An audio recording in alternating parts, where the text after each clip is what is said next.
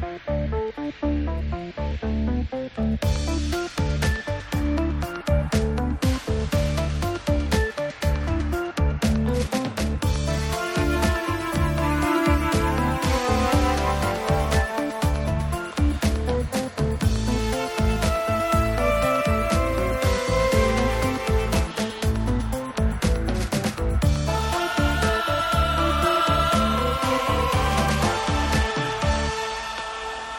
Hej och välkomna till lite av ett specialavsnitt eh, av Titta de snackar och Vacancy. Vi tänkte att vi skulle fira Halloween ihop i år.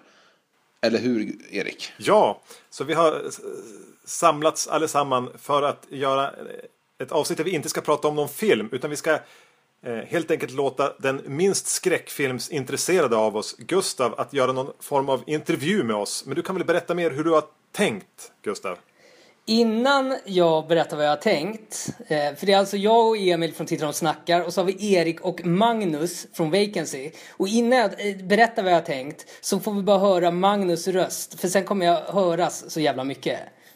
Precis. Hej, jag är också här. ja, det, det blev verkligen fjärde killen i gänget där. Hej, jag är också här. jo men upplägget har jag gjort så här att jag, eftersom ni är ju verkligen skräckfilmsnördar om vi säger så, Erik och Magnus från Vacancy. Och Emil eh, älskar ju också skräckfilm. Jag, eh, jag älskar ju lite all film och har ingen favoritgenre. Det skulle vara romantisk komedi, men det var någon kompis som hittade på det och så har jag bara kört på det. Men, så mitt upplägg är att jag kommer lite så här Kristoffer Triumf intervjua er om er kärlek till skräckfilmen men ha punkterna lite från en kärleksfilm. Så ert liv innan skräckfilmen, sen the meet cute med skräckgenren och så vidare och så vidare. Mm. Eh, låter det som en trevlig idé? Det får väl helt enkelt lov att göra det. Ja, jag tänker nu bara på att det var så jävla kul om man gjorde en skräckfilm som byggde på en podcastinspelning. Så plötsligt bara försvinner Erik bort så här, från inspelningen och så visar det sig att han, han är död och så är det vi tre kvar. Så blir det lite tio små negerpojkar men i podcast, podcastinspelningssammanhang. Eh, som en film också alltså? Ja, precis. Som en skräckfilm. Men det gjorts... Inte så visuellt slående. Eller? Det har ju gjorts något liknande nu. Det är väl någon skräckfilm som ja, har kommit. Unfriended, som är på Skype. Mm. Mm -hmm. mm. Jag tänkte på Task, ja. Ja, den har ju också podcast. Men sen finns det också en. Det finns ju en med en film med Elijah Wood och Sasha Grey, eller vad hon heter, den där porrfilmskådisen. Som också är någon sån här social medieskräckis. Men hade ja. inte du sett den Magnus? Ja, precis. Jo, den har jag sett. Uh, Open Windows heter ja. den. Uh, det är väl mer en thriller skulle man väl säga. Ja, okay. mm. Gissa om jag har sett någon av de här två filmerna ni pratar om. jag har inte sett någon av dem heller, så vi... Men det, sånt ska du mörka nu. Det ska, det ska verka okay, som förlåt. att ni har sett alla skräckfilmer och jag ja. inte har sett någon. Nej, de är skitbra båda två. Ja. eh, men hörni, då gör vi så här ur mitt perspektiv, för Emil, till alla tittare och snackar-lyssnarna, så kommer Emil lite fungera som Paul Schaefer till min David Letterman. Eller kanske mer som Andy till Conan O'Brien, det vill säga Emil sitter med i soffan. Men fokus kommer vi lägga på eh, Erik och Magnus för att få någon, sån, eh, någon slags struktur. Ja, precis. Låter eh, bra. Fan, eh, både Paul Schaefer och han Andy är tråkiga dock. Men ja, okej. Okay. Mm. Ja, men han är ändå med. Fan, för, ja, men Paul Schaefer är ändå klassisk. Men finns det, finns det någon sån som är rolig, som är så här, bisittare? Jag tycker inte han... Nej, men du, ska, du ska ju bara skratta åt Gustavs skämt. Alltså. Ja, upp, det är det Paul Schaefer alltid gjorde. Du vet, och upprepade saker Dave Letterman sa, du vet. Och skrattade ja. samtidigt. Och så här, vad fan gör du ens där? Ja, ja och vad därför, hette, du vad hette Jay Lenos sångkille då? Som satt med en det bas. Det är Kevin som satt, eller hur? Kevin... Ja, Kevin, Kevin Eubanks. Han, nej. Kevin Eubanks va? Ja, just det. Kevin Eubanks. Ja, mm. just det. Jag, jag känner mig som eh, Biff. David Letterman. Lite grann nu. ja. Jag har ingen det... smart Letterman-referens. På 90-talet var jag så kär i den där unga tjejen, vad hon hette, som alltid var med David Letterman när han gjorde Cuts of Meat och skit.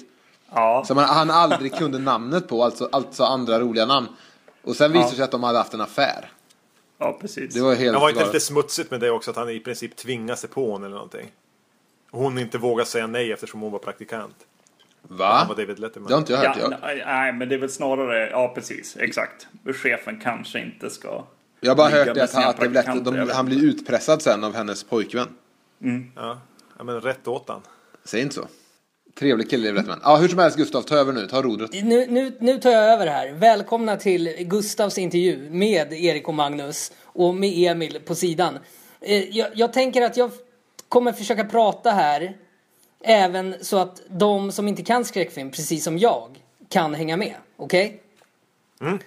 Eh, Så det jag vill veta här, i, i, i liksom, vad ska man säga, i er kärlek till skräckfilm så fanns det ju en tid innan skräckfilmen, när ni var barn. När ni inte kände till skräcken. Hur såg det ut då? Alltså lite så här, vad försökte era föräldrar få er att tycka om? Eh, försökte Magnus pappa få, få, få Magnus att liksom eh, dansa ballett? Och skulle Erik börja med friidrott? Hur såg den världen ut? Vi kan börja med Magnus. Ja, precis. Uh... ja, det är ju lite spännande just det där med hur vi började se på skräckfilm också. Vi hade som ett så här skräckfilmsgäng som såg på skräckfilm tillsammans på mellanstadiet. Eh, smög iväg egentligen, gjorde väl jag då. Eh, och så kom jag tillbaks och så sa jag, åh, vi har sett senaste Jönssonligan eller någonting liksom. Eh, Och varför ljög du då? Ja, men alltså. Ja, varför ljög jag? Ja, men det var ju lite så här. Eh, sånt man inte skulle göra helt enkelt. Se på skräckfilm liksom. Det var ju ändå från 18 år Men va- eller vart, 15 vart, år. fick då. ni, vart fick ni filmerna ifrån då till det här gänget? Det var väl en i våran... eh, Jag tänker att det var André Jonsson i våran klass. Ja, just det. Som började eh, ha, ha liksom filmer och inspelade på VHS från, från folk. Och, och senare började vi hyra egentligen på mina föräldrars konto också. på hyrbutiken. Så att, eh, eh, och, och någon gång vet jag att jag var och hyrde. Eh, vi var och hyrde någon film och så eh, hon, hon bakom ka- kassan sa typ nej men ni är ju alldeles för unga liksom. Och då kom eh, chefen typ på videobutiken och sa nej men eh, jag vet vilka de här är, de får hyra. Eh, så att jag gissar på att mina föräldrar ändå visste någonstans vad vi hyrde för något. Va- Vad, vad, vad, vad hade de velat att ni skulle... Hur, vadå, hur, hur gamla är ni när ni lär känna varandra? Var ni redan när upptäckte ni skräckfilm tillsammans som barn? Vi lärde känna varandra i lågstadiet. Alltså när vi började ettan hamnade vi i samma klass. Ja. Eh, och det var väl någonstans där under mellanstadiet som vi tillsammans, vi och några till, började eh, tjuvse skräckfilm. V- Vad gjorde ni på lågstadiet då? Innan skräckfilmen? Det, det, det, det, det vill jag åt lite. Ja, precis. Eh, Ja. ja, vägen... Ja. Alltså Ja, det börjar ju med lite så här nörd, nörderier liksom. Eh, Amiga-spel och... Ja, precis. Skräckfilm eller sk- ja, är ju också en, en, liksom en genre. Eller filmintresset kan ju, kan ju bli väldigt nördigt också. Men, men skräckfilmsintresserade är ju väldigt... Men vilken generation snackar vi nu? Ni är 70-talister som Gustav eller? Ja, 79. Ja, precis. Ja, mm, mm. Eh, och eh, ja, jag vet inte. Det kanske var från, från liksom så här. Eh, pappa läste liksom Spiderman för mig. Det var som våran så här godnattsaga liksom. Eh, och där fanns det ju lite skurkar och grejer som var lite mer. Och lite teman som var, kanske var lite mer åt det hållet. Det är spänning liksom. Men sätt, helt liksom. enkelt det här, det meet cute jag är ute efter. Alltså när, man, när, när ni möter på eh, skräckfilmen för första gången. eh, Var det gemensamt då? Och, och vilken film var kanske det? Alltså som, Jag- som ni verkligen minns att så här bara, här hittar ni skräckfilmen på riktigt. Inte bara en skräckfilm utan nu fattar ni grejen liksom. Jag minns ju att de vi umgicks med i våran klass lite grann så började prata om skräckfilm och att det fanns och att vi blev nyfikna på det. Eh, och att jag skulle säga att det första vi såg kan ha varit eh, tredje Elm Street-filmen. Förmodligen var det tredje Elm Street-filmen. Den ä- vi- äventyrliga Elm Street-filmen. Ja, den, ja. den som är lite Harry Potterig. Ja men precis med, med superkrafter och sånt. Eh, det tror jag var den första vi såg hemma hos någon. Förmodligen hemma hos mina föräldrar. Eh, de brydde sig aldrig om vad jag såg för någonting. Ehm, så jag tror att det var där. Och, Vadå, och- så, så och du, sen- E- Erik, du kunde egentligen se vad som helst? För jag växte ju upp upp i ett hem där det var tvärtom. Alltså mamma ringde runt till andra föräldrar när vi hade sett Cyborg. Och de andra föräldrarna brydde sig inte. De tyckte bara hon var pinsam. eh, men det Ja, var men det fanns, det har, jag har aldrig haft några eh, restriktioner i vad jag fått se och inte hemma. Jag, vet, jag, jag minns att eh, min mamma tyckte jag skulle se så här, åh nu börjar en ny serie som kanske är något för dig, du som gillar Star Wars, som var V. Ja. Eh, och den var ju ganska ot... eh, Och när kan, vilket år kan den ha gått på, på svensk tv första Jag kan gången? tippa att det är 80? 86. Alltså jag är alltså äldst här av alla oss fyra. Jag är född 77, ni är född 79. Och jag fick inte se V. Medan din mamma, och du är alltså två år yngre då, rekommenderar V till dig. Jag, jag har även ett tidigt barndomsminne av eh, The Dead Zone. Alltså Cronenbergs filmatisering av eh, King-boken. Att, Med, ja, men eh, när man hyrde Moviebox. Som, ja, precis. Ja, Att min syster hyrde den, för hon läste mycket King och hyrde film och sånt där. Och att- jag såg den och jag har två minnen från, minnesbilder som jag tänker tillbaka på när den nu hade premiär på hyrmarknaden. Och det är, en, det är någon seriemördare där som, som håller en, en eh, sliter upp blusen på en, eh, på en kvinna och håller en sax liksom mot hennes bröstvårtor. Det är en minnesbild. Och sen är nästa minnesbild från den hur den här seriemördaren, nu blir det spoilers här, eh, eh, tar livet av sig genom att köra upp en kniv eller om det är samma sax igen i gommen på sig själv och ligger blodig i ett badkar och har så här spastiska ry- ryckningar. Och här är jag inte gammal. Nej, eh, till, till saken hör väl här också att du är ett sladdbarn. Ja. Eh, Jo, min syster är tio, tio år äldre än mig också. Så, ja. Ja, alltså det var lilla. För, för motsatsen här, då tänker jag direkt här. Magnus gick ju hem ändå och instinktivt ljög. ja. Eh, om att han hade sett Jönssonligan. Så vad var reglerna för dig där? Det var, ju, det var ju inte samma sak som för Erik då gissar jag. Nej men jag vet inte. Jag vet att jag inte fick se liksom, ja men V till exempel och, och sådana saker och då drog man väl liksom likhetstecken där liksom, lite grann att så här, ja men det här är någonting man inte ska göra liksom. Eh, och blev väl typ nästan ett tidigt liksom uppror liksom från föräldrarna kanske. Ja, vi drack inte öl eller någonting, jag och Magnus. Vi satt och såg fredag den 13 filmer. Vi tjuvrökte inte heller. Ja, men det, det är ju klassiskt. Man var försiktig med mig och jag levde ju rövan med allt. Alltså krossa rutor, söp och sådär. Medan ni höll er lugna. Man ska inte förbjuda konst för barn liksom, om, om de visar ett intresse. Vad var motsvarigheten för Emil då? I och med att du, du måste komma in lite mer, Emil.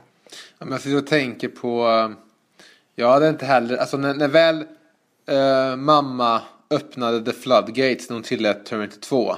När jag var åtta eller något sånt där. Så hade vi inte så mycket sådana regler. Men jag minns att jag blev väldigt överraskad när min kompis Daniel som var lite... Eh, ja, men pajasen i klassen, clownen i klassen som kom från ett litet stökigt hem. När han var hemma hos oss och sa att han inte fick se Pulp Fiction för sin mamma. Och detta, detta måste ha varit kanske 95 då, eller något sådär. Och, jag, och då blev jag överraskad, för vi hade den i hyllan och jag hade inte ens tänkt på att jag inte skulle få se den. Och jag vet också att jag tog med mig Desperado hemifrån och gick och tittade hemma hos honom, ett, ett, ett grabbgäng. Och det var så här, om mamma kommer så måste vi stänga av tvn och gömma kassetten.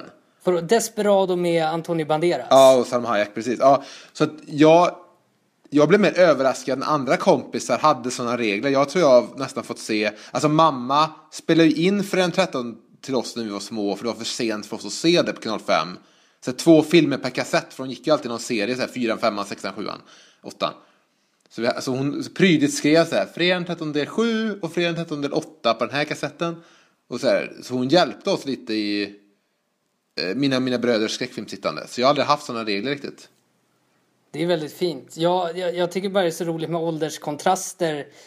Eh, Just att Desperado såg jag på Stockholm filmfestival. Det var öppningsfilmen.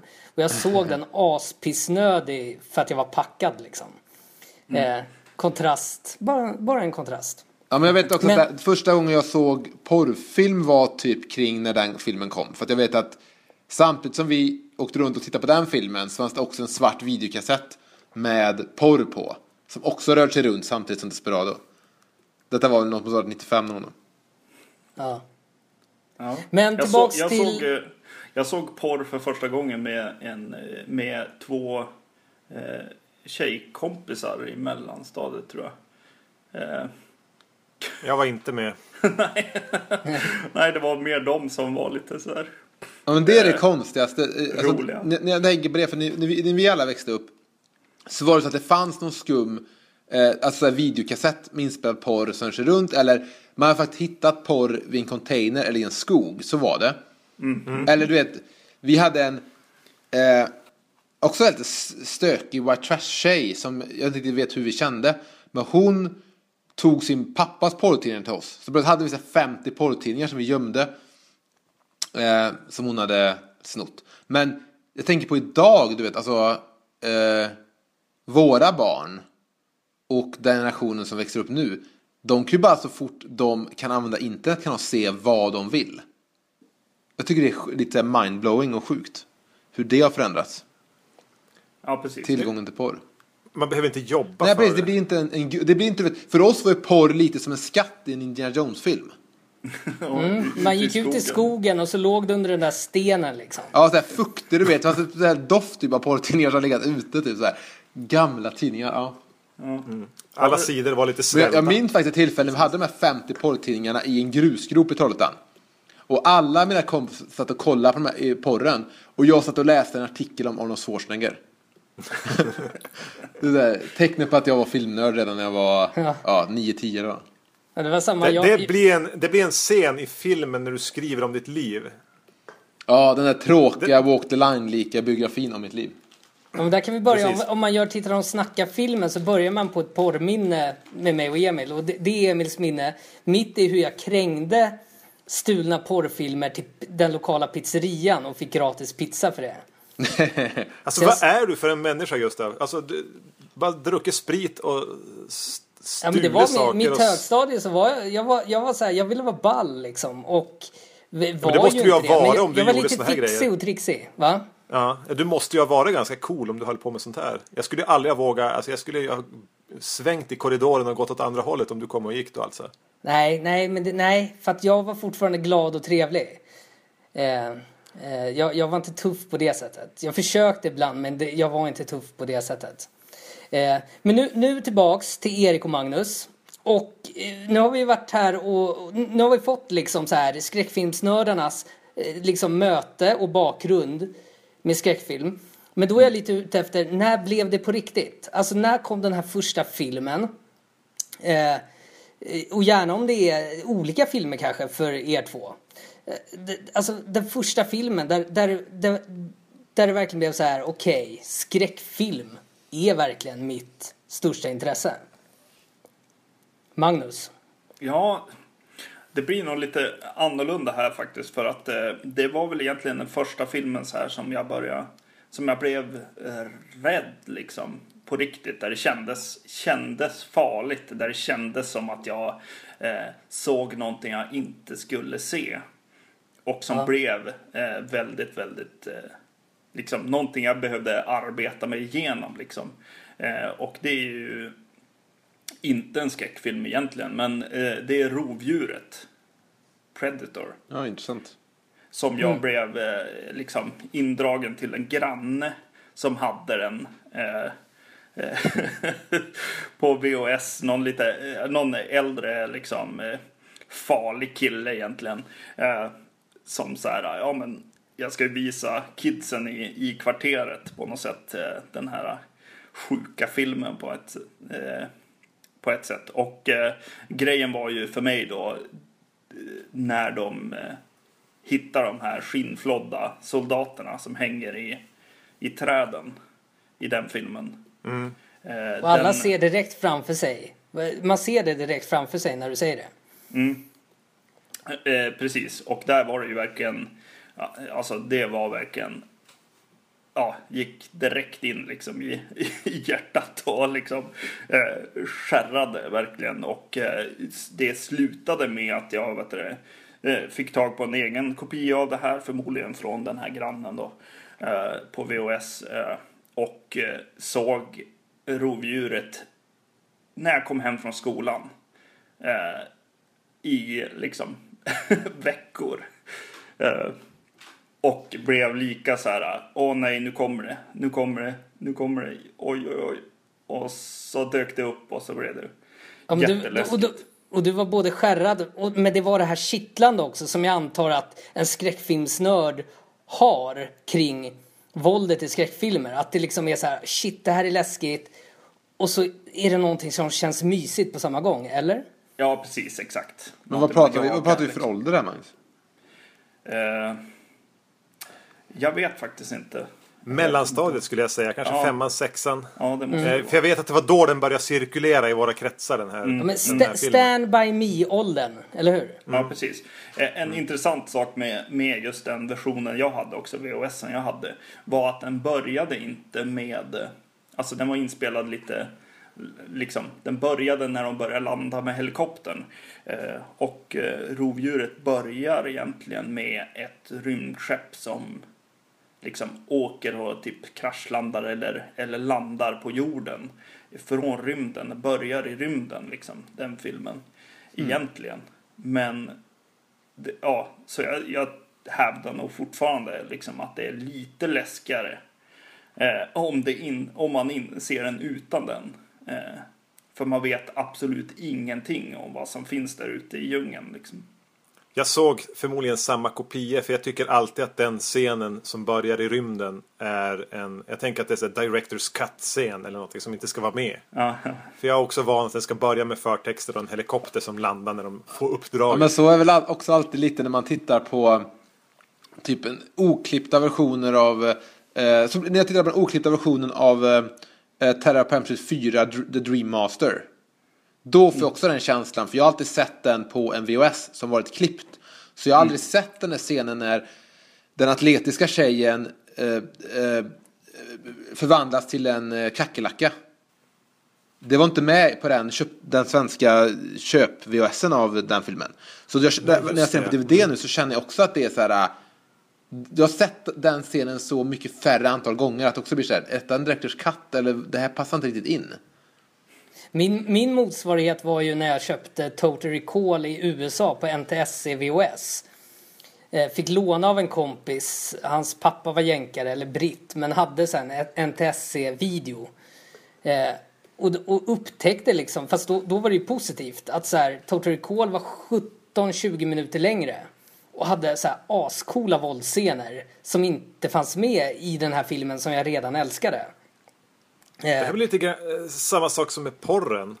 Att eh, det- är ju, nu får man ju alltid se, direkt se den oklippta versionen. Det finns ingen mystik med en sån här sönderstyckad version på bio och på tv. Och att man Nej. sen får se eh, hur det egentligen skulle se ut. Vi- Vilka sådana saker har försvunnit i och med det här med DVD? Dels är det ju det att förr såg man de här inspelade versionerna som alltid var sönderklippta.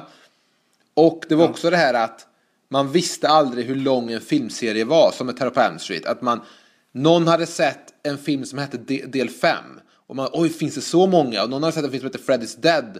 Och man visste inte riktigt vart den hörde, hörde, hörde, hörde ja, vart, vart, den skulle, vart den kom i serien och sånt. För man, man, man, det fanns ju bara de filmerna som man hittade i hyrbutikerna runt omkring sig. Nu så kan man för 200 spänn köpa hela DVD-boxen med alla filmer och det Ja, du kan dessutom gå ut, på, gå ut på IMDB och se hur många filmer som finns. Ja, så ah, den mystiken är också borta från hur det var förr. Det finns mycket sån här filmmystik som har försvunnit bort, vilket är lite sorgligt. Jo men och, och främst skulle jag säga att vi, vi vet så mycket om filmerna innan de kommer. Inte bara film, vi filmnördar utan alla. För Jo, men- Jag minns mi- sista gången, det var 2001 i New York. När jag såg filmer utan att så här veta någonting om dem. Och det var liksom, för då hade internet hade kommit men man använde det inte på det sättet. Så jag var i New York. nu kommer Gustavs 13 Ghosts historia. Ja, men även så här The Others, Training Day, Mulholland Drive av David Lynch. Alla de här affischerna var så här, va? Det här är en ny Denzel Washington-film. Det här är en ny David Lynch-film. Eh, vad fan är det här The Others, Nicole Kidman? Alltså, jag hade ingen koll, jag hade inte någon koll på någon av filmerna. Idag har man ju det. Men tänk då när jag var så här 10, 11, 12 någonting och var mitt uppe i min Terra på M Street-period. Nathalies stora syster hade ettan inspelad, trean inspelad och fyran då på köpkassett. Det var de vi visste fanns. Någon hade hyrt femman någonstans. Jag åker för att sova över hos min farmor i Lidköping. Och vi hyr film. Och jag hyr en Terra på M Street-film där man får se rättegången för Freddy Mm, Krueger. jag har också hyrt den där. Jag hyrde också den Ja, där. så första halva var den här rättegången mot Freddy Krueger och allting. Eh, och hur han då blev mördad och allting. Och sen så plötsligt kommer en annan konstig film som inte alls har med Freddy att göra. Som handlar om, på samma kretsar, som handlar om en, eh, någon jävla friidrottare. Ja, som halsen far av. Ja, hon, öns- hon önskar ihjäl sina eh, konkurrenter då. Och, och när jag kommer hem från Lidköping så börjar jag prata om den här filmen. Alltså jag har sett den första Terra på MC-filmen som handlar om innan han blir en drömdemon. Och ingen vet vad det är för jävla film. Och det tar alltså till Alltså, ja, till internettiden och DVD-forumstiden då, där jag och du träffades Erik. Det är då jag insett, att det fanns en tv-serie. Och jag har, sett en- jag har hyrt en VHS med två avsnitt från tv-serien. Och för oss var det bara den här mystiska filmen som bara jag kunde prata om. Och folk nästan tror att jag ljög om. För att det, hej fan, det, det kan inte stämma och så här. Allt det där är helt borta nu och det är tråkigt. Jag lyckades även hyra en sån här Twin Peaks-film som fanns. Som var typ en förlängd version av piloten som Oh slutar ja, med att de hittar... Ja. Ja. att de skjuter Bob nere i en källare. Ja, för det var piloten innan, alltså det var väl så här, de gjorde en pilot, tror jag, utifall att det inte skulle bli en tv-serie. Så det är ett helt eget slut på Twin Peaks. Det, den är bara en och en halv timme lång det här också. Ja, vänta nu. Jag- Okej, men är detta med typ med alla DVD-utgåvor och sånt? Finns den här versionen att få tag på? Det är jätteintressant. Det här är som Mulholland Drive, fast Den här omvänt. kom på hyrvideo. När, eh, när Twin Peaks gick som serie så fanns även den här som hyrvideo på VHS. Precis. En och en Men, halv det, timme är inte, lång. det, är inte, det är inte samma story, utan det är typ bara en egen... Jo. Det blir en parallell... Nej, men all, allting var likadant tills... Fast en De helt... sista 20 minuterna eller Exakt, kvarten. en, eller en någonting. helt annan tredje akt där de avslutar allting. Så Killer Bob är inget spöke. Det är han och The One Arm Man är bara några mördare på sjukhuset. Det, blir, det är jättekonstigt att titta på, på den filmen Jo, men det är när fa- man har det- sett hela det- tv-serien. Har det någonsin hänt i filmhistorien att det har gjort en sån, ett sånt parallellt universum som skiljer sig helt från... Det, är- det, det är helt sjukt. Eller? Alltså, vadå, jag tycker att det är jättefascinerande. Jo, för det var, men det var rätt Twin märkligt Peaks, också. Att, att, att just att den filmen ändå fick uppmärksamhet. Den kom ju direkt på video. Men det var Mm. liksom... Det var ingen som bara varnade folk och sa så här att nej men det här är fel. Alltså, för serien är riktig nu. Utan... Jag vet inte. Det finns säkert någon 70-talist som när man pratar om Twin Peaks så säger de ja jag har sett Twin Peaks och så har de bara sett den en och en halv timme lång, långa tv-piloten med ett eget slut. Ja. Ja. Hörni, eh, om vi går vidare här till eh, liksom kyssen med skräckfilmen. Alltså de- den skräckfilm som har, gjorde er som vuxna riktigt förälskad. Alltså när, när, när det på något sätt, vi, vi har ju rört oss i barndomen. Men vilken film blev den här, alltså som fortfarande är er stora kärlek inom skräckfilmen?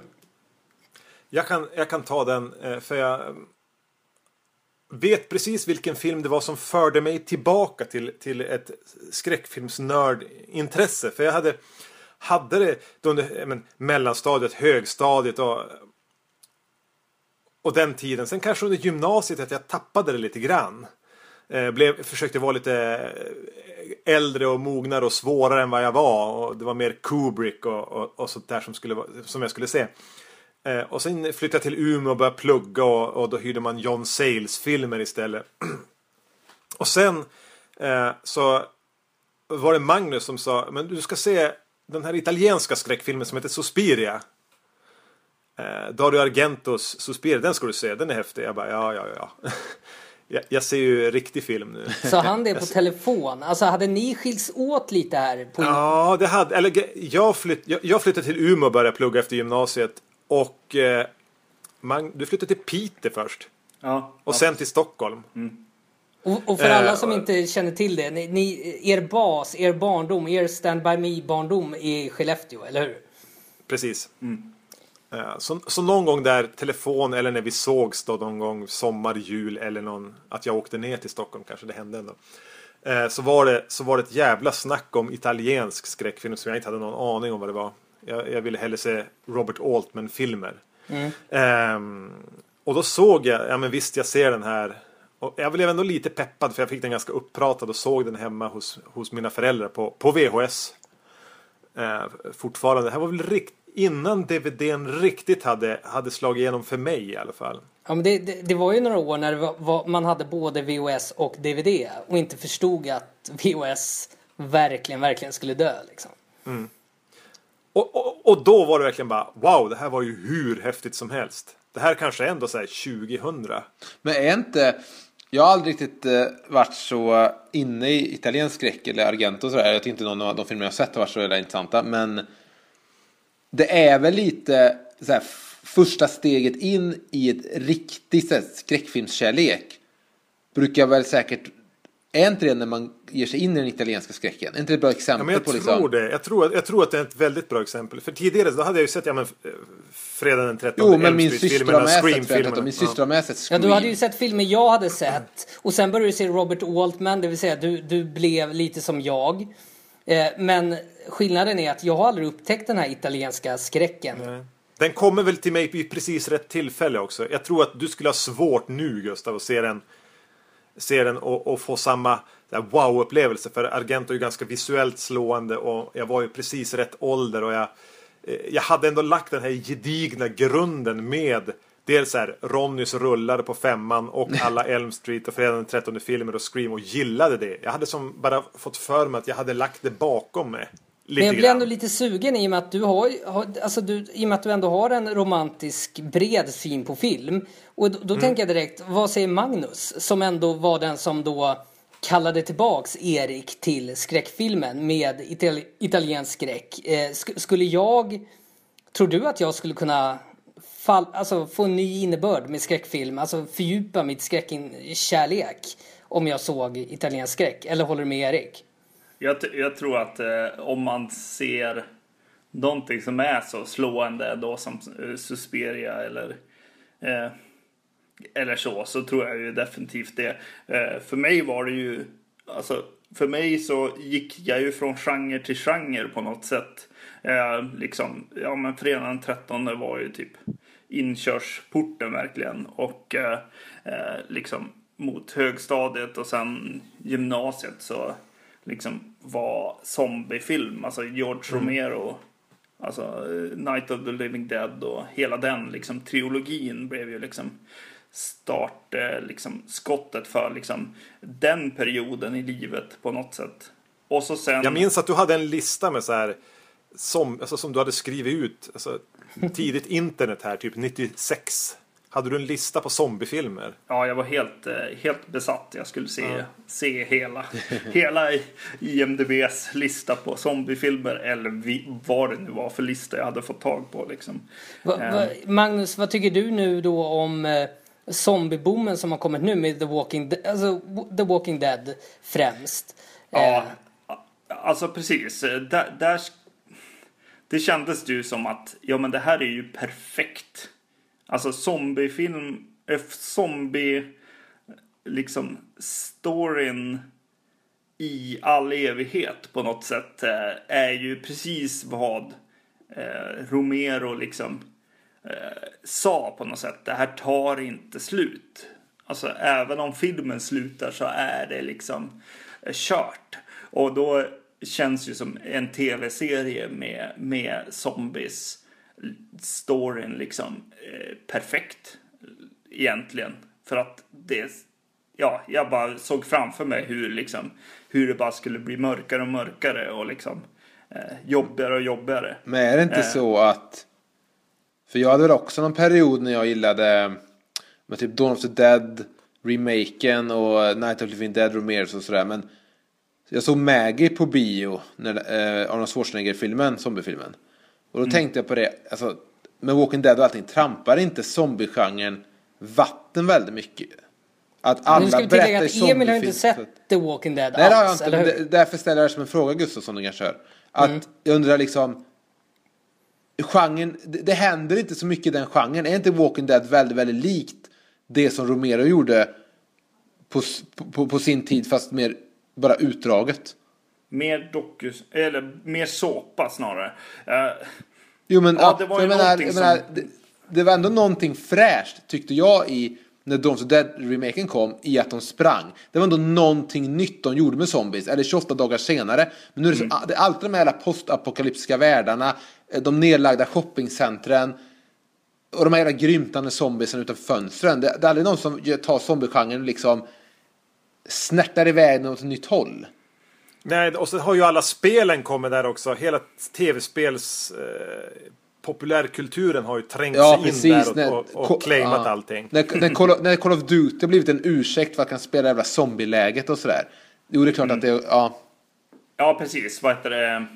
Eh, Walking Dead blev ju inte den biten. Det blev inte så, så mörkt och jobbigt som jag hade sett framför mig och då blev det liksom bara tråkigt. Jag kan tänka mig att serietidningen förmodligen är, är mycket, mycket trevligare eh, på något sätt ändå för att man vågar inte liksom ja, göra, så, göra det så jobbigt som det kanske var i mitt huvud. Eh, så det blev ju inte så intressant och jag, jag håller med att så här, ja, men zombiegenren, det blir, ja, den trampar vatten liksom. Jag tycker att 28 dagar senare liksom gjorde Romero-grejen helt rätt faktiskt. Jag tycker att den, den, den är riktigt bra liksom. Men för sen, Men- vi, vi pratade i, i vår podd om, om World War Z till exempel. Och den gillade jag nog lite för att det var, ja ah, nu visar vi det på någon sorts världsglobal skala.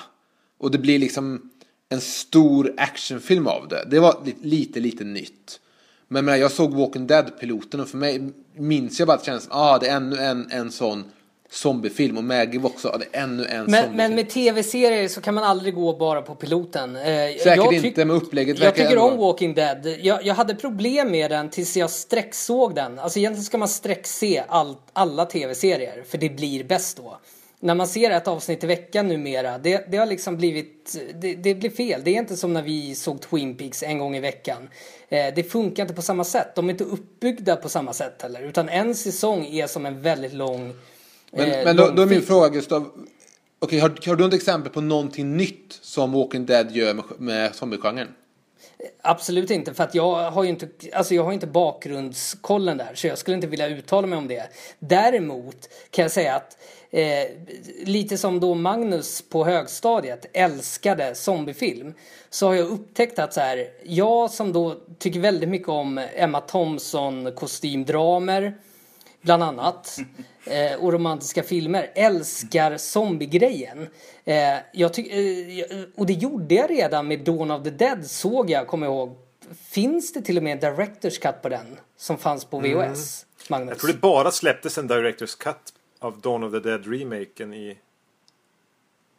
Ja, Ja. Nu, nu kanske pratar om originalet nu.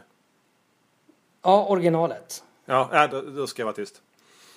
Ja men det, det, det var något sånt. det. Det, här är väl mitt bevis för att så här, jag ändå var sniffade på skräck. Och då var det ju kanske främst zombiegrejen. Så att jag gillar zombie-universumet och struntar i... Jag tyckte till exempel World War Z var... Jag läste boken, tyckte den var trist. Det var intressanta grejer. Alltså med det här globala. Men det var inte väl utfört. Och filmen var ännu sämre väl utfört. Eh, och tyckte i och för sig, jag såg om Dawn of the Dead remaken eh, häromsistens faktiskt. Eh, och tycker det, de- är jävligt läskiga när de springer. Alltså det är de. Men det, behövs inte att det förnyas för mig på något sätt. Det jag Utan älskade med den filmen när den kom, det var, det var bara något så enkelt som att man eh, när de blir skjutna i huvudet så ser man typ hjärnan flyga iväg. På som, det var så här, och de, de, drar, de drar typ hjärnan med lina såg jag i bakom materialet. Men något sånt var bara så här, fan man, man såg verkligen impacten av, eh, av skotten på zombierna. Det gillade jag i den här filmen. Jag vågar inte se om den för jag har ju byggt upp ett Zack Snyder-hat de Ja. senaste tio åren. Så jag, jag, vet- jag, jag, nej, jag, jag vill inte se om den tror jag. Nej, precis. Det, det jag minns från den eh, mest är ju början att, att den, den visar faktiskt outbreaken på ett Ja, sätt. med jo, eh, Johnny Cash-låten. Ja, precis. Och, och det är jätte... Du vet om att typ- Det är jättesnyggt. Eh, och, och förtexterna, bokstäverna, står ju med så här, står ju rött och så blåser det iväg. Det, du vet om att det är riktigt blod va, som bokstäverna är skrivna med? Jaha, okej. Zack Snyders blod.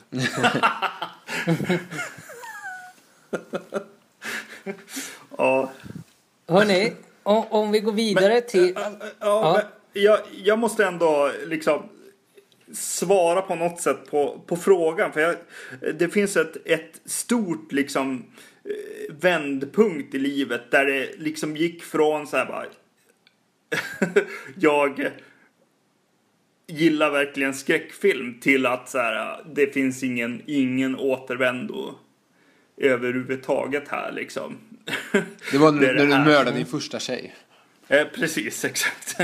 Nej, det var en gång jag var med min... Alltså det var på gymnasiet vi skulle Lucia-vaka med min eh, dramagrupp. och vi hade hyrt tre, tre skräckisar. Och börja, börja se liksom, ja men det vanliga på något sätt. Det var så här bara, ja men kan det vara Pumpkinhead eller någonting så här. Och man börjar så här känna känna att i den här gruppen så känns det som att, nej fan alltså. Det här är ganska töntigt alltså det jag sitter och ser på alla de här. Vänta först, till de lyssnare som är som jag. När du säger Pumpkinhead, vad är det? Det är bara så här, ja men random monsterfilm. Ja, egentligen. 90-tals skräck innan Och, och Scream. had, hade du valt de här tre filmerna? Så att, var det därför du blev obekväm? Att så här, nej, nu har jag nördat till det för mycket liksom. Nej, men jag hade väl- väl varit med. Ja, det hade jag nog gjort. Och så hade vi stått och bara, ja men ska vi ta den här och den här. Och så ser vi två liksom amerikanska eh, liksom cookie cutter skräckisar. Och man bara, åh shit alltså vad pinsamt det här är. Och så sen bara, ja men ska vi se den här eh, som heter, eh, VHSen hette Terror at the Opera.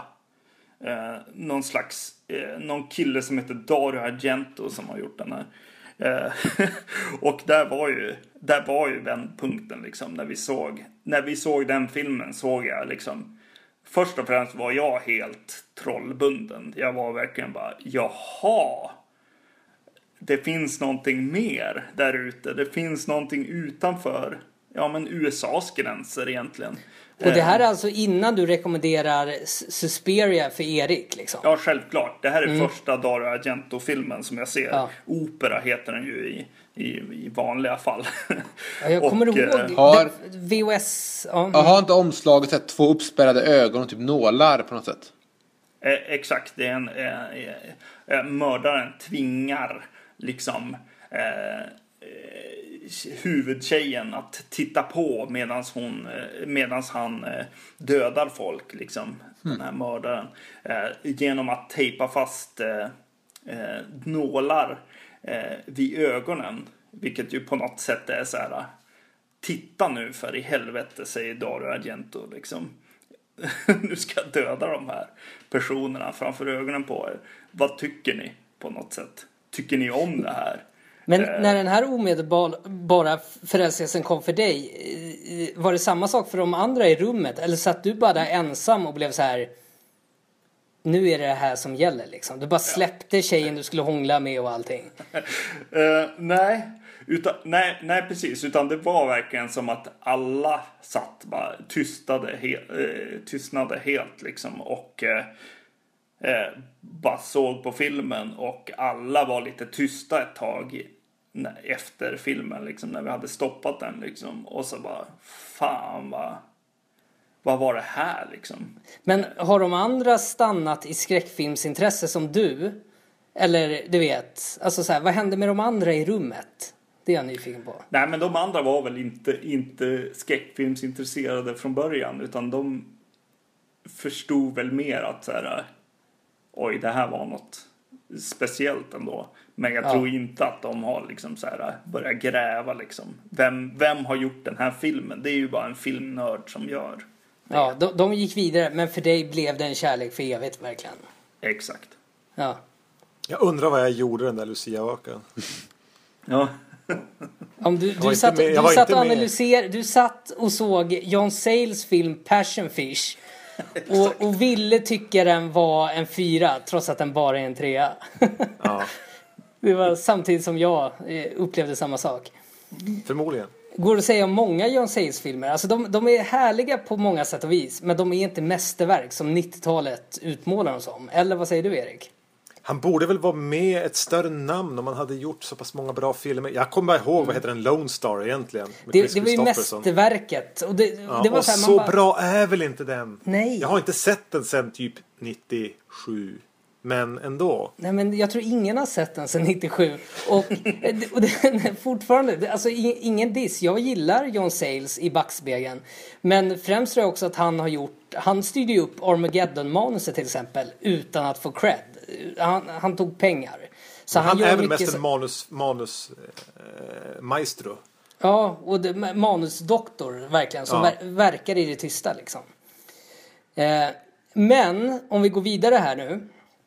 Vi har fått den stora förälskelsen som då är italiensk skräck för er båda liksom. In, i, Integrerat där. Magnus till Erik. Man, man märker ju att Magnus är, om någon skulle få en olympisk guldmedalj i skräckfilmsintresse av er två, så är det ju Magnus. Det tycker väl du också Erik, eller? Ja, framförallt vid den, vid, vid, från sig gymnasiet och åren därefter. Ja. När jag försökte bli, bli eh, någon slags intellektuell. Polo. Och Ja men precis. Pluggade på universitet och läste, läste idéhistoria. Ja men för Ja. skräckfilmsnördar så, så är det så här, Magnus stod på sig. Han, han Ja. släppte aldrig skräckfilmer liksom. Det, det är ju nog väldigt fattigt. Men, men kommer det sen någon period, nu tänker jag sen, kanske när ni träffar, ni har ju båda barn, eller hur? Ja. Ja. Eh, kommer det någon period i livet, nu tänker jag det här, Eh, jag går tillbaks till mitt så här kärleksfilmsgrejen, alltså det, det falska slutet, när det kanske tar slut lite med eh, skräckfilmen som ni tror. Och kanske främst för Magnus, alltså kommer det någon period där det blir ett år med knappt någon skräckfilm för att du tänker så här, nej men nu ska jag bli farsa eller nu har jag träffat, träffat tjej. Eh, nu lämnar jag det här. Alltså finns det någon sån period? Nej, inte direkt, men man har ju djupdykt i annan liksom. I liksom andra saker, definitivt. Men, eh, men eh, nej, inte när man tittar liksom i filmhyllan liksom. Eh, eh ett, ja, visst, alltså det kanske är så att jag köper mer skräckfilm än vad jag ser. Det kan jag väl kanske erkänna. Men, men eh, och, och att man behöver liksom djupdyka, djup, djup, djupdök väldigt mycket i 70-tals liksom eh, film, liksom New York, liksom skildringar och annat eh, eh, för något år sedan och sådär. Det är klart att man behöver liksom variera sig. Eh, men nej, det kommer nog vara kvar liksom tills liksom filmer Tills man har sett allt innan, innan 90-talet egentligen. Det, Ja men lägger du ner skräckfilm så lägger du ner all film. Det är lite så. ja, det kommer nog bli så. Ja, precis. Ja. Men hur, Ja. alltså, för jag gillade jättemycket skräck när jag var barn och även eh, när jag blev ungdom och även så här, vuxen. Men jag tror sista stora perioden för mig var väl den här The Ring Grudge japansk asiatisk skräckfilm. Efter det så har jag försvunnit bort. Det händer inte att jag liksom hyr eh, skräckfilm eller ser ny skräck längre. Alltså tycker ni att det finns fortfarande, kommer det fortfarande vettig skräck? Eller är det, är ert intresse lite ändå fast i någon sorts skräckhistoria? Som det fort, som, så så ser mitt skräckintresse ut nu nämligen. Att jag är mer intresserad av det som har varit än det som kommer. Mm. Ja, men jag är verkligen arkeolog där. Alltså jag vet att det finns filmer jag inte har, som jag vet om finns och som även står i min hylla som jag bara aldrig har tagit mig för att se. Och att det där jag ändå tror att jag kommer att hitta de bästa filmerna. Men det kommer ju ändå med, med jämna mellanrum kommer det ju bra ny skräck. Jo, men inte på samma sätt ändå. Det fanns något där. Det var den asiatiska vågen och innan det var det den här uh, pop, scream, urban legend vågen. Det var två vå- vågor som ändå jag följde och var Och nu är intresserad det av. väl så här paranormal activity, found footage. Ja men Insidious och The Conjuring och Ja, sånt men där det känns bara som att det är billig. Det, det enda jag kan säga är att det är billig jävla skräck som äts snabbt och man inte blir så mätt av. Det är typ För, för det jag måste säga där är att för det, många av de här har hyllats upp ibland som Sinister och jag tycker det är dåligt. Vad säger Magnus där liksom? Som Ja. är ändå... Eh, precis, nej men det, det, det, man håller väl lite så här pulsen liksom när, när det liksom eh, vandrar upp ovanför liksom ytan och så går man och ser liksom It follows eller eh, Ja, men det var ändå en så intressant film som, som ändå eh, det snackades så mycket om och, och det bubblade lite om den. Den och även den eh, Babadook eller vad den heter. Ja, som jag inte alls ja, tyckte om vill jag bara säga. Men It Follows tyckte jag om tillräckligt mycket och det var en film som ändå var så här, ah det var en skräckfilm som var värd att se. Men allt Men det, It Follows hade ju ändå det här med att Dawn, Dawn of the Dead-remaken, att, att zombiesarna börjar springa. Den hade ett element som var kittlande och nytt liksom. Ja, Så- som, som ändå fanns en anledning till varför folk pratade om den. Men allt det här, Conjuring, eh, Sinister, Annabelle och allt det där. För mig är det, det är ingenting som intresserar mig för det är inte bra. Sen, senaste Men det är verkligen skåpmat. Alltså det, det är så här uppolerad gamla idéer. Ja, men lite så som- eh, ibland ganska bra polerade. Alltså det finns bra scener i alla de, inte alla, men det finns scener i de filmerna som jag tycker är värd att se bara för att de lyckas få fram den här ilningen längs ryggraden som gör att ja, men det, var, det var nog värt de här 90 minuterna. Jo men en dag på den här reklambyrån som jag eh, huserar på eh, nu för tiden, som jag praktiserar där. Så satt i Det lunchrummet. lät som att du vägrade gå därifrån trots att din Men det praktik så var slut. I alla fall på min praktik då, i lunchrummet satt det en snubbe och pratade om Annabelle som han hade sett, om den här filmen Den läskiga dockan. Och då kände jag så här, så här satt jag och pratade om Onda dockan 94 när jag hade sett den. Det är så här, Mm. det har gått fan, eh, vad är det, 20 år sedan dess. Och ni pratar bara om en ny docka som inte gör någonting nytt. Och det är så här, fan. Men en, den sista sucken nästan för min det skräckfilmsintresse gjorde var väl fan, nog... Onda dockan är väl inget bra exempel på någon punkt i skräckfilmshistorien där det hände något nytt? Ja, jo, man, nej, men, det, det är inte det jag pratar om. Jag pratar om att de pratar om Annabelle och en, filmen om den läskiga dockan. Och då fick jag en flashback till att jag satt för 20 år sedan och pratade om Onda dockan. Samma typ av film. Men, ehm, jo men sista sucken nästan för min skräckfilmsintresse var nog, var nog fan typ ehm, när så kom. Och det var i början på den här Sinister Conjuring-vågen av de här billiga under två miljoner dollar skräckfilmerna som kom. Eh, var ju typ så och sen uppföljarna som, som var där Och billig som, skräck. alltså får jag fråga där som inte är en skräckfilmsexpert. Jag tycker så filmerna känns egentligen, det är ju mer thrillers. Eller? Ja, ja absolut. Eh, eller jag är ganska ointresserad av dem. Eh, Första tycker jag ändå, när första kom var det ju, det var ju It Follows snack om första så. Ja, det var ju en jättehype kring den, men sen såg jag den och jag var aldrig imponerad. Och sen har jag, det, det bästa med så är väl att det har blivit många filmer. Och det är kul med, med, med franchises och det är kul med serier. Men eh, jag vet inte. Ja, eh, alltså en del får ju också så här, ja men det blev serien på något sätt. Jag tycker att, jag tycker ändå, alltså som sagt, det är ju, det är ju filmer som liksom eh, kommer upp till ytan på något sätt som, som, folk, som blir snackisar. Och så går jag och ser Paranormal Activity, första filmen. Och jag är, jag är ganska jävla rädd. Ja men det var, det ska jag, säga. jag, såg, jag såg den på bio i Stockholm men jag var också jävligt rädd för Paranormal Activity. Så Jag tycker också den Ja. var läskig. Mm. Ja, precis. Och sen liksom... Ja, precis. Och så blir den en del av serien och så, och så får inte den den liksom cred som den kanske förtjänar liksom på något sätt.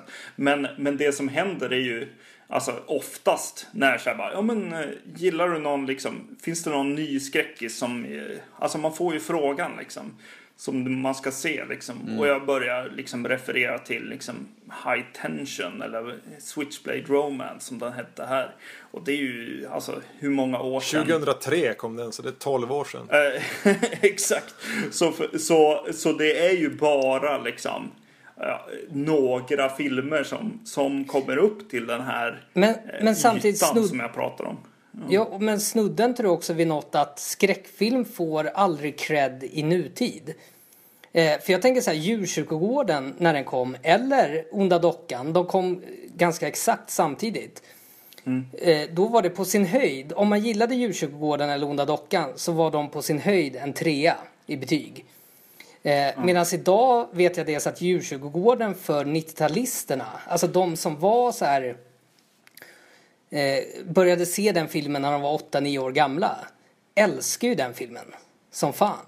Det är, en Eh. av två, det är en av två filmer som jag har slutat se, vet jag. Ja, Hur menar du då? Var, jag, jag tyckte den var alldeles för läskig. Jag bara, ja, nej, jag måste gå till mitt rum liksom. Var det, men var det systern som var läskigast? Alltså, Eh, det, det var den här joggaren. vilken jävla tillbaks. joggare? Han kommer tillbaks till liv liksom och står och pratar någonstans, har jag för mig. Är det, men är, vi inne, är det tvåan? Pratar du om tvåan nu kanske? Ja, Gör jag det? jag Det- tror det. Gustav blir sur när jag säger det här men o- Djurtjurgården 2 är typ lika bra som första filmen. Är det två? Och jävligt läskig.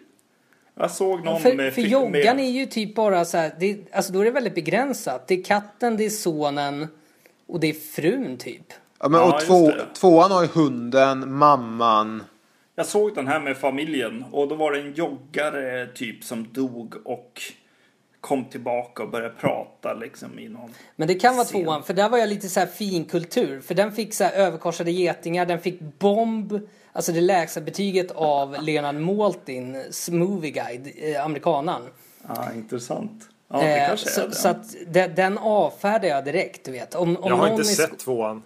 Nej, det- det, Det är ja. konstiga filmer liksom som jag slutar se liksom. En, en som jag bara dök in i, Främst, kom in i. eh, får jag bara tillägga där, främst har ju Djurtjurgården 1 och 2 ing, alltså de, de har ju ingenting med varandra att göra.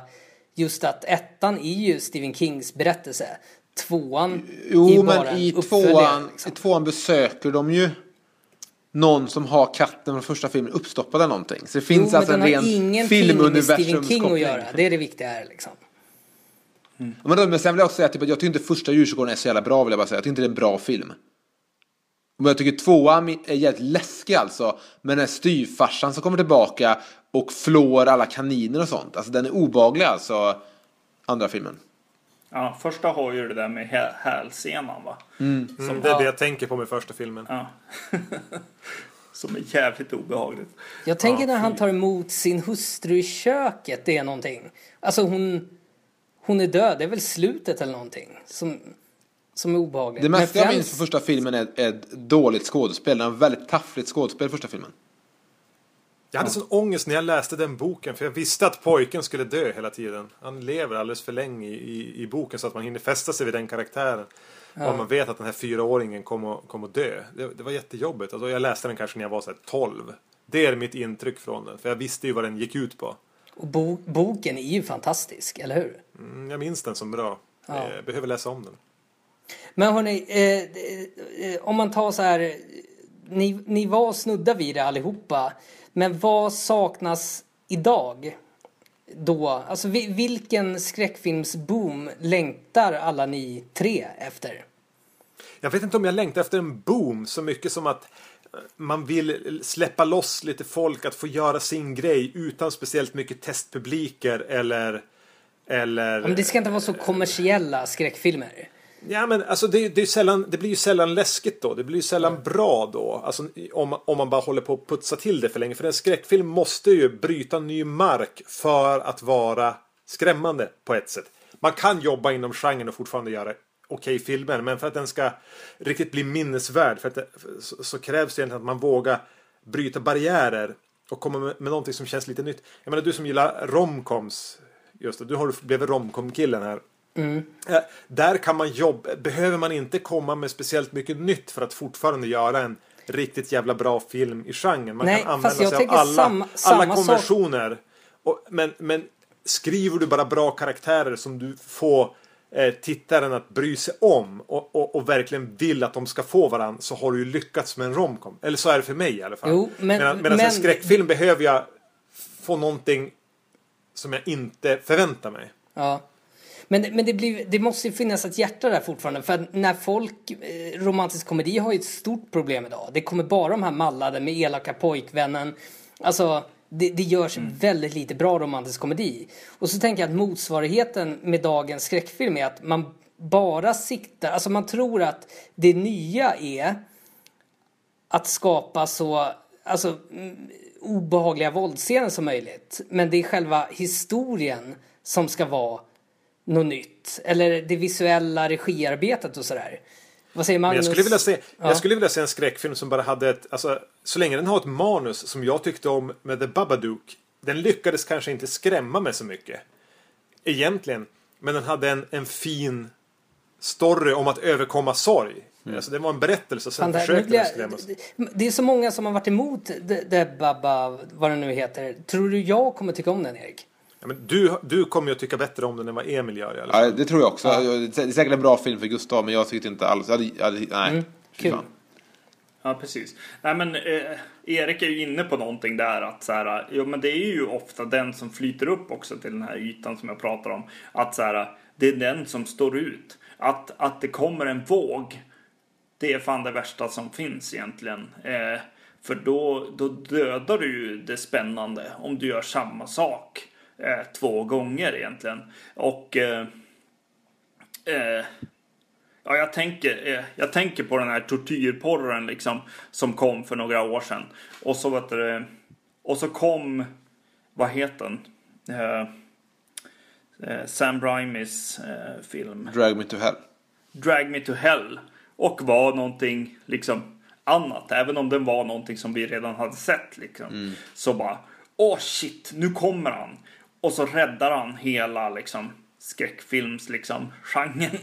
Eh, det hände Jag har någonstans inte riktigt. eh, att Drag Me To Hell blev bättre utifrån vad den hade för scen att spela på. Att det var så jävla tråkig. Skräckfilmen bara handlade om, om liksom att tortera folk. Ja, Och precis. så gjorde den en 80-tals eh, hommage. Eh, som gjorde att man, ja men fan vad kul. Ja, precis. Men tyvärr så, så hände ju inte det utan det kom ju vad heter det, en film som är ganska bra, Paranormal Activity och, och egentligen drog igång nå, nå, någonting annat. Eh, Kan det ha varit så att det fanns en liten exorcisten, liksom exorcist våg en halv också? våg. Ja, med Ja. Emily Rose och allt vad det hette. Ja. Ja, just precis. det. Ja, och alltså The Last Exorcism kom Ja. ja. ja mm.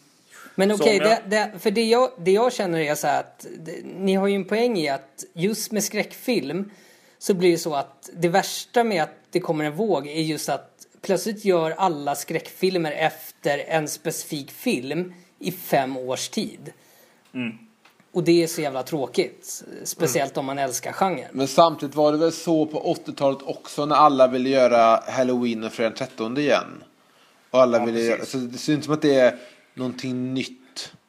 Ja, men min kärlek till de, de filmerna har ju att göra med att, att jag har eh, band till dem i, i takt med att jag växte upp och grundlade mitt intresse. Jag kan säkert tänka mig att det finns de som växer upp med så-filmerna på samma sätt och kommer att sitta och älska skräckfilm om. Ja, jag har också, jag har också tänkt på det att vi kanske är lite för gamla för att uppskatta Sinister som barnen gör nu. Med, medan ni kanske tyckte på, på 80-talet att um, vad hette den filmen? April Fools eller vad den- hette? April Fools. Ja, det- April Fools, att, att den var också lika grym som fredag den 13 medan de som födda på 60-talet då kanske kände att jävlar den här vågen med slasher, fy fan. Jo, men precis. Nej, men det är väl typ, ja, för mig så blir det ju ändå den, alltså om det behöver vara någon till våg så, så är det nog i så fall slasher-vågen. En till sån som jag skulle liksom tycka var okej, för de är så jäkla, alltså det är inte skräck på samma sätt. Det är ju actionfilmer med blod liksom. Vilket Men vadå, jag skulle du också vilja se saknar. det eller inte? Ja, men det, det, om, det, om jag behöver, om det ska bli en jävla våg till så skulle Mm. jag nog vilja se en, en slashervåg igen. Ja, men det, det vill säga inte remakes på eh, Texas Chainsaw Massacre och Fredag den 13 utan nya sl- slasherfilmer liksom. ja, precis. Exakt. Att det Det kommer, kommer en. ju alltid några remakes i en sån våg. Det får man ju räkna med. Ja, precis. Ja men exakt, men en våg som inte bara är remakes på de kända. Ja. Nej, precis. Exakt. Ja, det skulle vara det då. Men det är ju mest för att det är popcornfilmer. Eh, mycket. Slasherfilmen. Det är precis som Jättekul att se på bio. Ja, precis. Eh, Jag sitter ju väl, väldigt mycket och saknar blod i actionfilm till exempel. Också. eh, där Ja men det är ju känns som- vidrigt, herregud. Die Hard 4 när den dök upp och de hade skippat blodet. Ja, Eh, alltså det, det, var, alltså det, var, det var riktigt värdelöst och jag blev provocerad av att fler inte blev irriterade på det. Att- Precis. Och, och eh, Expendables har ju gått den vägen också. Att eh, ja men just det, det är ju barn som ska se de här. Eh, Mot för då första filmen där det är någon som springer omkring med en liksom automat hagelgevär liksom och skjuter sönder folk liksom. Eh, det, det, det är viktigt framförallt i actionfilm som är en genre som är så här åh vad tuffa de här personerna är. Eh, i, I skräckfilm så är det ju så här vad- någonstans ändå åh vad läskiga de här är. Men när folk ska vara tuffa och göra liksom och döda folk, ja då måste man ju också. Då har man liksom en skyldighet tycker jag att eh, eh, visa att våld är liksom tar ont. Och jag Ja, tycker att det är ver- ja. Och även för att det ska kittla. Alltså det är lite så, en romantisk komedi måste innehålla eh, komedi och kärlek. Eh, när, när de tar bort det ur Die Hard 4, våldet, så är det som att ta bort kärleken ur en romantisk komedi. Det blir fucked up. Det funkar inte. Jag tror det kan, jag känner att det kan bero lite på vad för typ av action man gör. Ja, men du älskar ju Die Hard 5, så att jag lyssnar inte på dig där. Jag har inte sett Die Hard 5. Jag har försvarat den i, i vår podcast. Jag behöver liksom inte, jag tror, jag tror inte ens Gustav minns vad jag sa om den. Men Nej, det jag här är tänker lite mer på... mobbingläge, men det är väldigt roligt. Jag tror att du gav den, sa att det var en trea. Jag tror det var det. Ja, men Ja, alltså jag hade exakt. väldigt, jag, det, det, jag hade var, väldigt det var ändå roligt. en bra trea liksom. Jag, Ja. jag hade väldigt trevligt på bio under Die Hard 5, så enkelt var det. Men eh, jag menar mer bara att, för jag minns när jag såg Inception på bio. Så hade jag jättetråkigt under de här skottlossningsscenerna som förekommer. För att det då ingen knappt fick dö och man fick inte se något blod och sådär. Det, då blev det som att man var tillbaka till att se, du vet, Sean Connerys Bondfilmer. Där skurkarna bara faller ihop. Det funkar inte, men däremot kan man ju se väldigt cool action även Typ som Transformers-filmerna tycker jag har en del rätt coola actionsekvenser. Och de behöver ju inte vara från 15 för det. Kan ni förstå? Men alltså, så finns ju action och action. Men ska man hålla på med vapen och skottlossning och sånt. Då är det bra att man ser hur fan ett vapen påverkar en människa. ja, precis. Eller skjuta en robot istället då. Ja men exakt. Och det, nej, men springer man på glas så ska, ska, ska man märka att det känns. Eh, Skjut en robot. Det lät som en, en så här pin att ha på jackan hörni, jag tror, om jag hade lyssnat på den här, eh, det här avsnittet av våra podcast så, så hade jag velat veta lite hur ni hittar tillbaks till varandra. Alltså, ni skildes åt, eh, ni hittade italiensk skräck på telefon. Men hur kom det sig att ni hittade tillbaks till podca- eh, och startade en podcast tillsammans? Ja, men vi har ju alltid hållit kontakten. Det är ju inte så att vi har varit ifrån varandra. Alltså, det är klart att eh, Magnus har bott Det i är Stockholm. jag som bor i gillar romantiska komedier Ja. liksom. Ni satt i varsitt fönster och grät och ingen ringde. Ja. Jag kan berätta exakt hur det gick till. Men det är kanske tråkigt. Det kanske är roligare om man, om man, om man får hitta... Jag hade lyssnat väldigt mycket på nej, vi kör filmpoddar. triumf exakt hur det gick till. Ja. Ja, jag satt och hade lyssnat väldigt mycket på filmpoddar under så ett och ett halvt års tid. Och under den perioden till och med bott i Stockholm. Eh, och sen flyttade jag tillbaka till Skellefteå. Och vi var här, Magnus var där över jul, brukar vara här över jul. Och eh, vi satt hemma hos mina föräldrar och jag sa bara, men borde inte vi starta en podd? Bara liksom se lite filmer och, och prata om dem. Ungefär som Mondo Movie. Som sa jag då som exempel, som är en som vi har lyssnat väldigt mycket på båda två. Mm. Eh, precis. Jag har en liten annan syn på det där också eh, från mitt håll. eh, och det är att vi, vi gjorde ju liksom massa amatör liksom skräckfilm. Det var liksom Ja. våran grej som vi, vi hade gemensamt och, och våran, eh, alltså våran relation är väldigt mycket byggd på en slags kreativitet och att göra och planera och liksom eh, Gemensamma projekt. Eh, precis Är det här någonting era lyssnare kan få se på Youtube vid tillfälle? Att ni lägger upp det? Vid tillfälle, ja. Men eh, vi... Ja, precis. Eh, Så vi gjorde ju eh, film, ja. Och eh, då var det typ i princip från min sida är det ju så här. Jag har ett väldigt kreativt jobb som också liksom eh, tar, tar kreativ energi från, från mig. Eh, Så när jag, när vi så här, ja men på semestern liksom, ja men då åker jag upp och så gör jag en film liksom med Erik.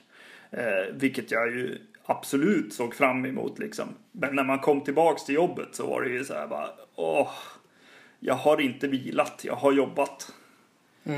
Eh, så, ja.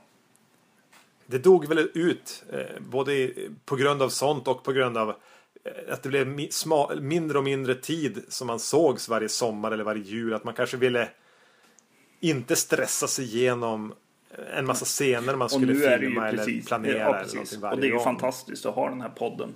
Att vad det, typ varannan vecka liksom prata med varandra. Som man pratar i vanliga fall i princip. För, för ni har en helt annan relation. Ni känner typ inte varandra. Om jag har förstått det rätt. Vi gick ju en distansutbildning ihop. Hur kan man gå en distansutbildning Jo ihop? men vi hade träffar, vi träffades ju och det var rätt intimt ändå så att jag och Emil känner varandra, alltså det är ju många som gick den klassen, alltså att vi känner varandra intimt men jag vet till exempel när jag kommer komma till Göteborg nästa gång och träffa Emil på riktigt då kommer jag känna mig lite blyg första Ja, minuten. men, så här, alltså, men jag var inte med på alla träffar heller, så vi har inte sett så mycket. Senast vi sågs var ju när vi åt eh, en kebab i Hötorgshallen om du minns det Gustav. Jag tror vi Nej. såg Super 8 samtidigt. Men, eh, Ja, vi såg Super 8 med en vän till ja, dig, men sen blev det mer att, att du ringde så jävla mycket Gustav och då vet jag att jag tänkte så här att fan han ringer typ så jävla ofta och snackar film och, och, och jag tyckte du du kan ju jävligt mycket om film. Du kan ju mer om film än vad... Det roliga är att jag var typ full hela tiden då. Så att jag bara fyllringde och pratade film. Ja men det var så här, typ, alltså sitta tre timmar du vet. Och jag vet att jag höll på med en animerad kortfilm och var så här, jag, måste, jag kan inte sitta med ena handen och prata med Gustav i tre timmar. Så då, då tänkte jag så här, men fan vad sägs om att vi spelar in en podcast en gång i veckan? Istället. Men du höll på att fiska jättelänge efter podd, Emil. Det minns jag. Vad innebär fiska Eh, efter podd? Ja, men du höll på, även på film, filmforum och, och DVD-forum att du ville starta podd. Det har jag ingen minne av. Jag minns att jag bara pratade med Gustav. Har jag pratat med andra om att starta en podd innan? Nej. Ja, men du st- startade i våra så här medarbetarforum. Bara, är det ingen som, alltså, en podd borde vi ju ha. Så det, var, Ja, det kanske jag hade gjort. Jag, men jag kanske, Vad härligt. Och den enda som nappade på Emils förslag Så här var Fylle-Gustav The som- Crazy Cat Lady. Ja, precis. Ett fyllo. Och, och här sitter vi. ja, men jag, är vänta nu. Jag tror fan. Hade, hade ni bara lyssnat lite mer på mig på Filmforum och velat starta den podden så kanske det hade fått allting och bara explosionsartat artat växa och så hade vi varit Movie Sign nu. Ja, det hade ju inte gått sämre i alla fall. ja, men då, ja. Är det något mer du vill fråga om Gustav? För vi har snackat väldigt länge nu. Nej, nej, men det var därför jag... Nej, nej. För- för Utan att det, jag- det känns som att vi kan Ja, avrunda. men det- för det är att jag hade ju den här, alltså det är inget litet quiz, men jag hade ju ett litet quiz. Ska jag dra det för er? Eller ska vi skita i det? Det är Men Halloween. dra dem du ändå har gjort. För att, alltså, nej, så här enkelt var det bara att jag, vi skulle ha en AV på jobbet, eller på min praktik.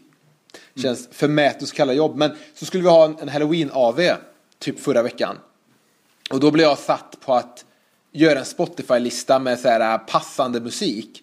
Vilket var jävligt knepigt för det finns ju fan så mycket just så här halloweenig musik. Ehm, men sen blev det inte så mycket av den aven ändå. Jag kom du vet den fredagen i min eh, stickade Freddy-tröja. Ingen annan var utklädd. Det var där, så var typ fyra pers stod nere i lunchrummet och, och drack en öl typ. Och så kom jag där så här ändå lite spexig. Eh, och gick hem så här två timmar senare. Men du var tvungen att göra listan. men så jag och tänkte allt bara så här. folk såg var en skitig kofta. Det var, de såg ju inte att du hade en Freddy-kofta. Nej men ni hade sett, inte du Gustav, men Magnus och Erik hade sett det med en gång. Ja, Och jag hade kanske sett Det. Jag hade en Alltså, kompis underskatta som, som såg den och sa, hans första reaktion var inte, ah, det är en Freddy Krueger-kofta. Eller tröja. Hans första var så här, exakt en sån tröja har Kurt Cobain.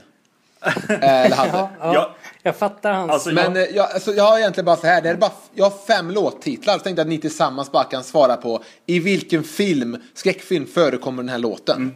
Men ska man ropa sitt namn? Nej men ni kan, eller? ni kan prata sinsemellan för det, det behöver inte ja. vara någon tävling. Så Okej. det, här, är- det här är jättetråkigt men det var i alla fall, ni, som sagt, nu kan ni se hur jag tänkte när jag valde låtar till den Spotify-listan. ja. Okej, så låt nummer ett är Nick Cave, Red Right Hand.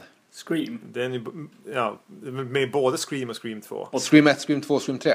Fyra. Det är mig. Trean också. Jag ja, hade ingen koll. Alla. Scream-filmer, Jag- jag- tror jag. Ja. Okej, för det är inte fjärde. Ah, Ehm, Okej. Okej. Okej, eh, det var i alla fall den lättaste då. Han, skrev, Den andra är... han skrev ju om eh, den till Det här är roligast, att det var det lättaste. Okej, men jag vill veta film... Okej, låt nummer två då. Vilken film förekommer den här låten i första gången? Eh, The Cordettes, Mr Sandman. Halloween 2. Eh, Ja, bra svarat Magnus. Det- Den försökte jag lura lite. Det är Halloween 2, inte första Halloween alltså. Ja. Men den är Just, med... just, vi har just plöjt alla Halloween-filmerna för, på podden. Så att den, men hade ditt jobb kunnat det här? Det hade de ju inte. Nej men alltså jag gjorde bara en Spotify-lista med musik. Det var inte med... Jag skulle inte quizza dem på detta. Nej, jag bara tänkte nej, på vilken okej. musik Mm. finns det som har varit med i skräckfilm och har med det skräckfilm att vore så jävla roligt om du hade stått där i din Freddy Krueger-tröja och försökt quizza dem på det här. Herregud. Okej. Den här är Ja. lite lurig. Vilken, ja. Oj, nej, jag hade gillat att ingen svarade på första frågan och Emil säger det här var den lättaste. Okej, låt nummer låt tre. nummer tre. Eh, Alice Cooper, The Man Behind the Mask. Ja, men det är fr- fredag den 16 del 6, 4. Inte? Fredag, ja. Okej, Gustav har gissat Vadå? fredag Vad- blev 16 så kul del här? 4. Du sa fredag den 16 Gustav. Jaha. Ja, och det är fredag den 13 del 6 så du har ju som slagit ihop svaren på ett snyggt sätt. Ja, så det, jag- det är ja, en okej, liten, liten, precis. liten bonuspoäng för det. Okej. Ja. Eh, ja, precis. Del 6 Och är det. Magnus, han bara ballar ur. Liksom. Okej, låt nummer fem då. Ja, Motorhead. Fyra, eller? Fyra. Fyra blir det. Låt nummer fyra. Motorhead med låten Hellraiser. Jag har ingen aning. Det måste vara en Hellraiser-film. Nej. Det är för Nej, men det är enkelt. det det inte är då. Ja, Nej, jag, vet, jag har ingen aning. Nej. Det är Hellraiser del 3. Ja, jag vann. Ja. Eh, och, så, okej, och så låt nummer fem då. Ja. Eh, DJ Jazzy Jeff och eh, Fresh Prince med låten A Nightmare on My Street. Det är en scary movie-film här. Det låter som det är så här People men- under the stairs. Det, det, det är under den tiden. Ja, liksom. just det. DJ. Ja, de jobbar ju inte ihop längre. Vi, vi, Ja, nej. Okej, det var en klurig jävel. Det, det, den skulle varit med i Terra Amsterdam del 4 men blev ratad av New Line Cinema. ja, det var svårt. Okej. Fantastiskt. Kan du inte köra det här quizet på, på jobbet, Emil? Jo. Du måste göra det. Ja. Den dag du vill att ditt jobb ska sparka dig och inte tvärt. Alltså det är då du drar det här quizet liksom. Alltså jag, är så, Ja. jag blir så jävla nervös nu när du säger att du, du kommer i Freddy-koftan. Eller tröjan där. Eh, För jag ska ju på, på Halloweenfest. Och eh, har valt en liksom utstyrsel. eh, Som är så här. Te, det finns ett tema på festen som jag ska på. Vilket är så här. ah, du, Okej, och temat är inte Halloween. nej, nej precis. Utan det är. Du ska vara dataspels eller tv-spels karaktärer liksom. Ah, fan vad roligt. Och eh, jag känner ju nu att jag, jag är väldigt, väldigt obskyr med, med mitt val där. V- vem ska du vara då? Kan du säga nu? För den här, det här avsnittet kommer inte komma upp förrän Halloween. Nej, precis. Jag ska vara en... Jag ska vara motorsågskillen. Mo, eh, fienden i Resident Evil 4. Jaha, med, med säcken på huvudet? Ja, precis. Tjockisen. Exakt. Det är, ja, men det, det, han, är, han är ju en blandning av Leatherface och eh, Jason från tvåan. Ja, exakt. Eh, vi får se om de, om de tar det. Ja, men det är fan en rätt bra grej. Vad hade du varit Gustav om du var tvungen att klä dig som en tv-spelsfigur? Eh, nej men jag hade varit, det här är ju inte riktigt skräckfilm men jag tror att det hade gått hem på en skräckfilmstema ändå. Eh, min, alltså frisören jag har gått till i tio år, jag klär mig uselt och sådär så det är inte så att jag har en frisör. Men det är från när jag jobbade Valma salonger. Och hon gjorde inför en mas- eh, så här, maskeradfest, eh, klädde hon ut sig till Evan Scissorhand och hon gjorde det så jävla bra. Eh, alltså hon så här hit, alltså det var så jävla snyggt så det har jag tänkt mig att jag, jag skulle gå som Edward Scissorhand om det funkar det som svar. Ja, men om du är tvungen att gå som en tv-spelsfigur då? Ja, men då hade jag varit så här Mario eller Luigi, de enda jag känner till. Som Toad kanske. Ja, du då Erik? Ja, men jag, kan, jag är ju ingen gamer. Ja, men ta, Men det- bara från, ta bara från skräckfilm då. Vi, vi går upp, vi, vi öppnar upp lite. Man vill ju inte vara varmt klädd. Det är allt jag kan tänka liksom. För, Det är om man ska ut och trick or treata kanske. Då kan det vara bra. I, vi- vi hade gjort e, Erik till systern i djurkyrkogården. Med skruvad kropp. Ja, liksom. men det hade varit bara- roligt. Man måste såhär det. krypa fram. Ja. Ja, fan vidrigt. Uh, egent, eh, jag, jag tänker så här med Erik att vad det, i, i uppföljaren till Resident Evil eh, 4 så hade de också en motorsågs eh, kille med, med huvan och allting. Men eh, den var väldigt, väldigt eh, tanig. Och den i fyran är väldigt, väldigt stor. Som jag... Och då så ni hade gått som hela och halvan typ? Exakt, exakt. Ja. ja, du snackar om femman nu eller? Mm. När de är i Afrika? Ja. Har Eh, jag spelat till och med. Ja, precis. Ra- Spelar vi det? Ja, det är ju- Rass-spelet.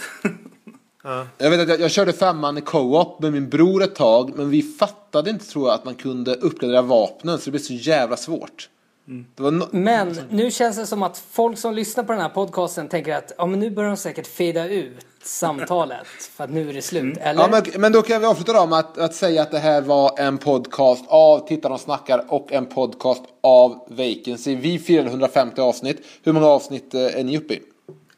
100 Vilken, 100, vad kan det här Sex. vara? 100, 106. säger vi. Mm, trevligt. Eh, och vi båda finns ju på iTunes och vi har ju våra hemsidor vacancy.se och tittarochsnackar.se. Lyssna gärna på oss. Är det någonting ni vill avsluta med? Alltså jag måste säga en grej. Alltså, ert West Craven avsnitt alltså. Och, och, och, om ni är och lyssnar nu på Vacancy. Gå och lyssna på det för att efter det så kommer vi alla vilja ge en liksom eh, en kollektiv kram till Gustav eh, över internet här. Vilket jag vill utbringa här eh, i slutet efter hans historia i den, eh, det avsnittet. Eh, Den var ju Ja, det, bli, jättehemsk. det blir en cliffhanger. Tack så mycket först och främst. Men att eh, jag kanske gillar romantiska komedier på grund av att mitt drömliv är en skräckfilm. Det är så här, jag får nog där. ja, absolut. Ja, men då säger vi hej då. då. Ja, och det var, det var trevligt. Det här får vi göra om kanske nästa halloween, vem vet? Ja. Vi får se vad, eh, vad vi hittar på. Precis. Ja, hej då då. Hej då. Hej då.